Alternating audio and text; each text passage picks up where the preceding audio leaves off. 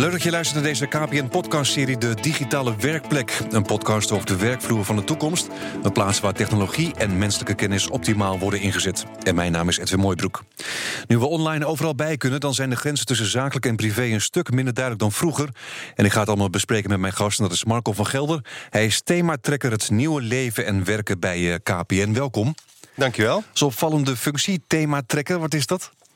Nou, het thema trekken, het zegt al naam, maar je moet ergens aan trekken. Nee, het nieuwe leven en werken is een van de maatschappelijke thema's van KPN. Dus valt onder de verantwoordelijkheid van de Raad van Bestuur. En ik zelf werk bij, uh, bij HR, ben direct gekoppeld aan de CHRO. Ja. En dat thema dat, uh, ja, dat gaat over werk en hoe werk verandert. Nou, je begrijpt dat technologie een hele grote impact heeft op werk. Dus wij als leverancier van technologie hebben op die manier een impact op de samenleving. En anderzijds komt die technologie, technologie ook in ons bedrijf.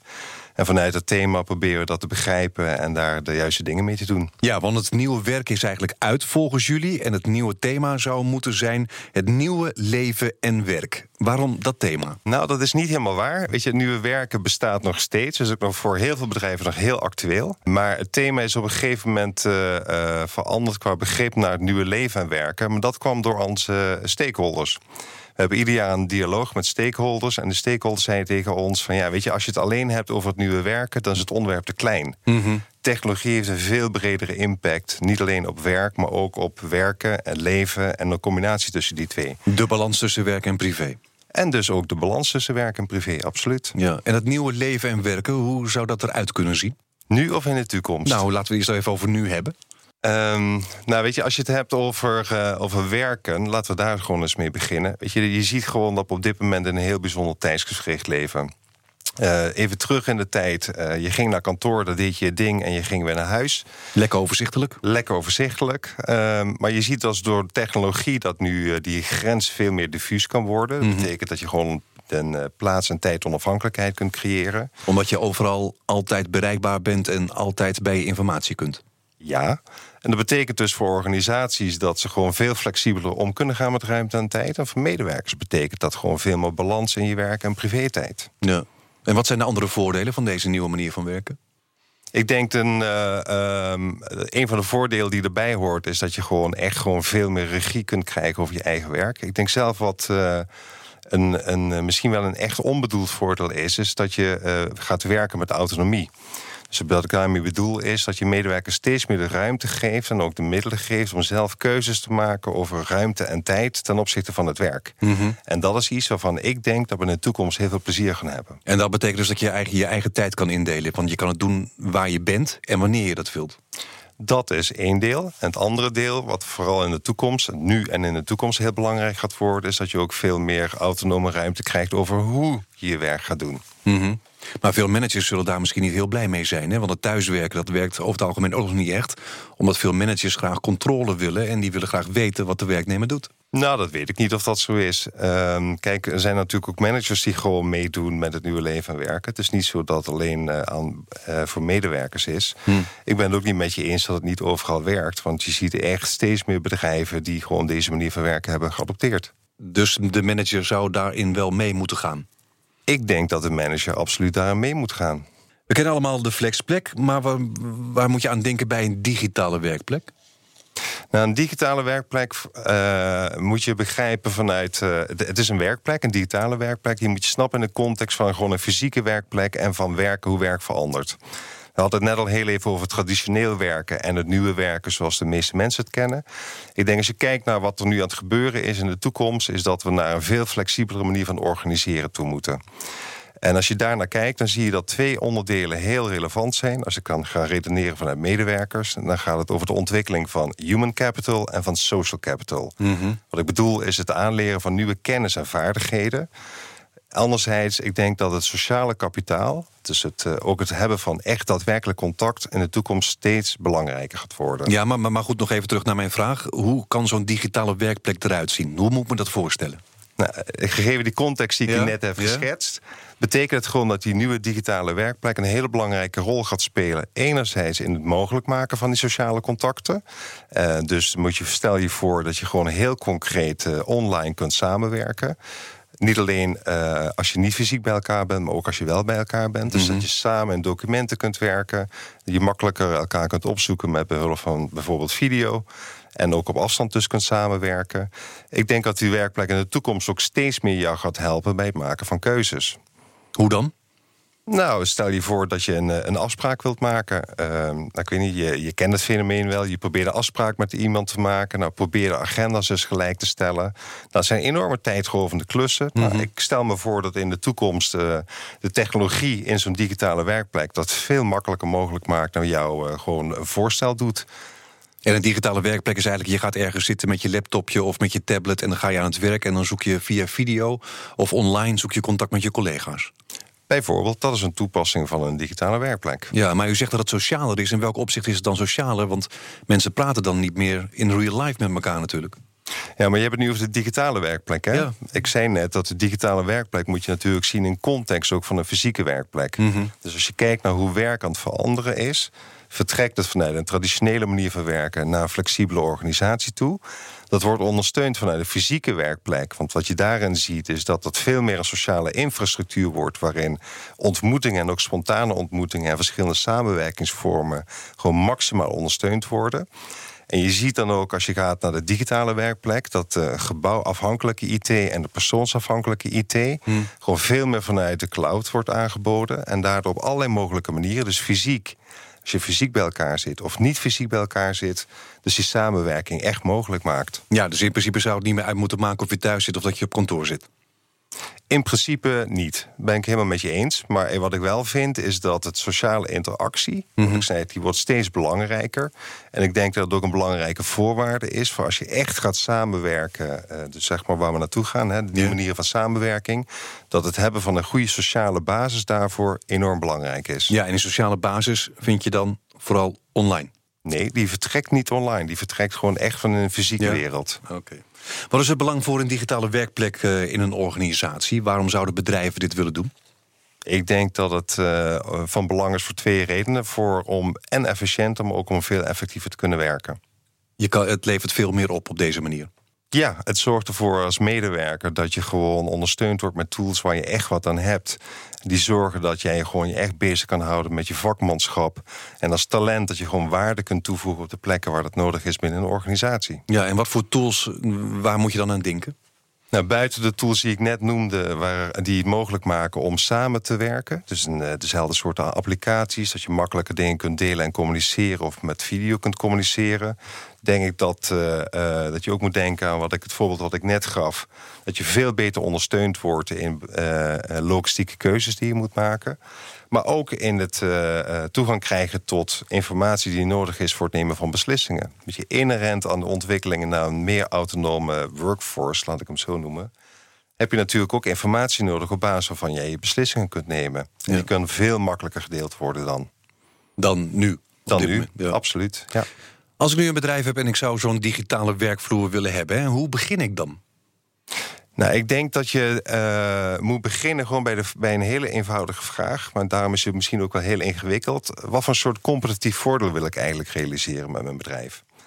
En vanuit het beantwoorden van die vraag ga je kijken naar hoe je dat gaat organiseren. En vervolgens ga je de vraag stellen: en wat betekent dat voor mijn medewerkers? Ik denk dat het gewoon heel essentieel is om deze volgorde aan te houden. Omdat wat mij op is gevallen bij strategie en strat- eh, überhaupt bij het ontwerpen van strategie, dat medewerkers vaak vergeten worden. Want als je het hebt over het competitief voordeel wat je wilt realiseren. Dus Heb je je medewerkers nodig? Het begint bij medewerkers. Ja, je moet het niet van bovenaf opleggen. Je moet het zeker niet van bovenaf opleggen. Dus je moet bij medewerkers beginnen. Dus in je ontwerp ga je beginnen bij je competitief voordeel en redeneren naar je medewerkers toe. En dan moet je alle aandacht hebben voor de executie. En volgens mij is het terug te brengen tot een eenvoudige vraag. Weet je, de medewerkers die ik heb in mijn bedrijf, die de producten of diensten leveren. Weet je, hebben die de kennis, de vaardigheden, maar ook de mogelijkheden om de strategie bij te stellen waar nodig? En als het antwoord is ja, weet je, dan ben je goed bezig. En op het moment dat daar nog vraagtekens bij komen, dan weet je dat er werk te doen is. Ja. En dit is gewoon voorwaardelijk überhaupt om zo'n strategie ook voor een digitale werkplek gewoon goed aan de praat te krijgen in je organisatie. ja, dus door de medewerkers erbij te betrekken. En hoe zou je ze nog meer mee kunnen krijgen? Ehm, het begint met eh, communicatie. Weet je, ik, ik noemde net, of ik benadrukte eigenlijk net al de sociale interactie. Wat ik heel belangrijk vind. Ehm, ja, weet je, er zeggen wel eens mensen van ja, sociale interactie leuk. We hebben toch allemaal social media platformen. Ja, maar je hebt toch ook op kantoor gewoon collega's. Dat is toch ook al een sociale interactie natuurlijk ook. Dat is waar. Maar even weer terug in de tijd. Hè. Je moet even niet vergeten dat voorheen de sociale interactie best wel beperkt was. Hè.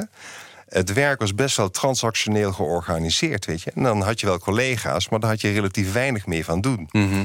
En wat je ziet aan werk en hoe werk aan het veranderen is in de tijd, zie je dat, die, dat er veel meer samenwerkingsverbanden nodig zijn om gewoon snelheid te krijgen in de organisatie, maar ook een wendbaarder te worden. Dus je krijgt gewoon een veel bredere sociale interactie. Dus eigenlijk zegt u, door het digitaal te maken, creëer je ook een socialere organisatie? Nee, vanuit een digitale wereld ondersteun je dit. Ja, ja. Maar goed, je wilt het dan als bedrijf eh, gaan doen. Je moet je medewerkers moet je dan meekrijgen. Die moet je dus uh, inderdaad, communicatie is dan belangrijk. Maar u zei het al, uh, in het verleden waren mensen gewend om naar kantoor te gaan. 9 tot 5, 5 uur je trekt de deur dicht en je gaat naar huis en is klaar. Niet iedereen zal het fijn vinden om altijd nog s'avonds nog even in zijn laptopje te kijken of bereikbaar te zijn. Dat denk ik ook niet, maar dat hoeft ook niet. Weet je, ik denk niet dat het, dat het zo nodig verplicht moet zijn dat jij gewoon dag en nacht beschikbaar bent en dag en nacht aan het werk bent. Weet je, het, het blijft gewoon heel belangrijk dat je zorgt voor een balans. Ja. Of je nou digitale middelen gebruikt wel of niet. Ja, maar niet iedereen zal blij zijn met verandering. Nee, dat uh, denk ik niet. Maar ja, weet je, laten we heel eerlijk zijn. Verandering is natuurlijk wel de normaalste zaak van de wereld. Ja. Wat zou in de toekomst de rol van artificial intelligence kunnen zijn binnen de digitalisering van de werkplek? Ik denk dat uh, AI echt een rol kan spelen bij het, uh, bij het verzorgen van die taken die eigenlijk heel repetitief zijn. Dus even heel concreet, uh, als je het hebt over managementbesluiten. Heel veel managementbesluiten zouden voor een heel groot gedeelte, denk ik, door AI-achtige systemen aan medewerkers aangeboden kunnen worden. Daar zie ik echt wel een rol voor AI. Aan de andere kant ben ik er ook heel nuchter over. Um, weet je, hoe mooi AI ook is. Weet je, je kan er echt gave dingen mee doen. Mhm. Maar ik vind het gewoon heel belangrijk dat je bij al dit soort toepassingen gewoon echt blijft redeneren vanuit de medewerker. Weet je, wat uh, uh, voor hetgene wat je maakt, weet je, wat levert de medewerker nu echt op? Heeft hij er echt wat aan? Ja of nee? Want artificial intelligence is nog een beetje toekomstmuziek eigenlijk. Zover zijn we nog niet. Nee, dat denk ik niet. Uh, kijk, het is in principe al heel oud, hè, AI. Het is zo oud als Methuselem. Uh, je ziet wel dat nu de technologie steeds meer dingen mogelijk maakt. Maar ik, uh, ik vind wel, weet je, technologie is heel mooi, maar ik vind het belangrijk om kritisch te reflecteren en stil te staan bij de vraag: en wat levert het op? Ja, heb je het nodig of heb je het niet nodig? Precies. Nou, en anders krijg je bedrijven en medewerkers niet mee. Nou, wat zijn op dit moment eigenlijk de trends binnen die, die, die digitale werkplek? Ik denk dat, er, uh, uh, weet je, dat we echt wel op een moment staan dat er een doorbraak geforceerd kan worden in een heel nieuw soort van toepassingen. Um, waarbij je moet denken aan het mogelijk maken van het ontsluiten van heel veel verschillende soorten van databases op een digitale werkplek. Uh, ja, weet je, als je daar een beetje over, uh, over droomt, dan kan je allerlei dingen voorstellen. Iedereen heeft een adresboekje. Nou, niemand houdt hem echt bij. Behalve als je iemand niet meer reageert op een telefoonnummer of je krijgt een keer een nieuw nummer. Ja. Ja, weet je, kan je voorstellen dat je op een gegeven moment gewoon een dienst krijgt waarbij gewoon continu je telefoonboekje geüpdate wordt vanuit de centrale database. Mm Dat soort achtige toepassingen, weet je, die zie je echt wel in de ontwikkeling. Ik kan me ook voorstellen dat uh, uh, het steeds wisselen van baan ervoor zorgt dat je gewoon je cv op een andere manier geüpdate moet worden. Nou, je kan je voorstellen dat je in de toekomst een soort van persoonlijke blockchain krijgt waarin jouw kennis en vaardigheden zeg maar, netjes worden bijgehouden. Waardoor je veel makkelijker gewoon op het juiste moment op je juiste plek kan zijn om waarde toe te voegen met jouw talenten. Ja. En als u nou heel ver in de toekomst kijkt, waar droomt u zelf van als tool zeg maar, voor het nieuwe werken? Nou, weet je, ik zou het uh, heel tof vinden als wij een, uh, een manier zouden kunnen vinden om. Uh, als je puur vanuit technologie redeneert, zou ik het gaaf vinden als we een tool zouden kunnen vinden die meteen ook aan, als je denkt even aan zo'n blockchain voorbeeld, waarbij je ook meteen een mechanisme hebt waarin je gewoon de beloning zou kunnen rechtvaardigen. Dat lijkt me vanuit technologisch perspectief heel mooi. Dus, maar, dus dat blockchain uh, jouw salaris bepaalt? Uh, niet de blockchain, maar nee. de, de, dat je op een of andere manier ook kunt uitleggen van hoeveel waarde je ergens aan toe hebt. Ja, oké. Okay. Dat het helemaal eerlijk is. Ja, dat lijkt me echt wel een hele, lijkt me echt een hele spannende. Ja. Um, maar wat ik, uh, wat ik echt voor zou willen pleiten is voor iets wat helemaal niks met technologie te maken heeft. Maar ik zou echt voor willen pleiten dat uh, organisaties steeds meer sociale kapitaal echt op uh, de agenda zouden zetten. Hoe dan?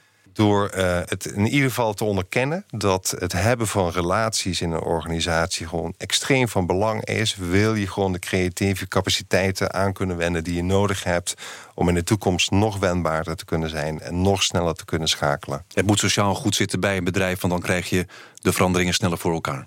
Absoluut.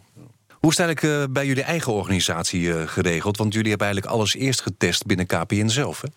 Ja, wat ik wel, dat vind ik echt wel tof van een bedrijf zoals KPN... is dat wij heel veel, uh, ja, we noemen het als living labs hebben... waarbij we gewoon zelf gewoon experimenten doen. Wat voor experimenten doen jullie dan binnen het bedrijf?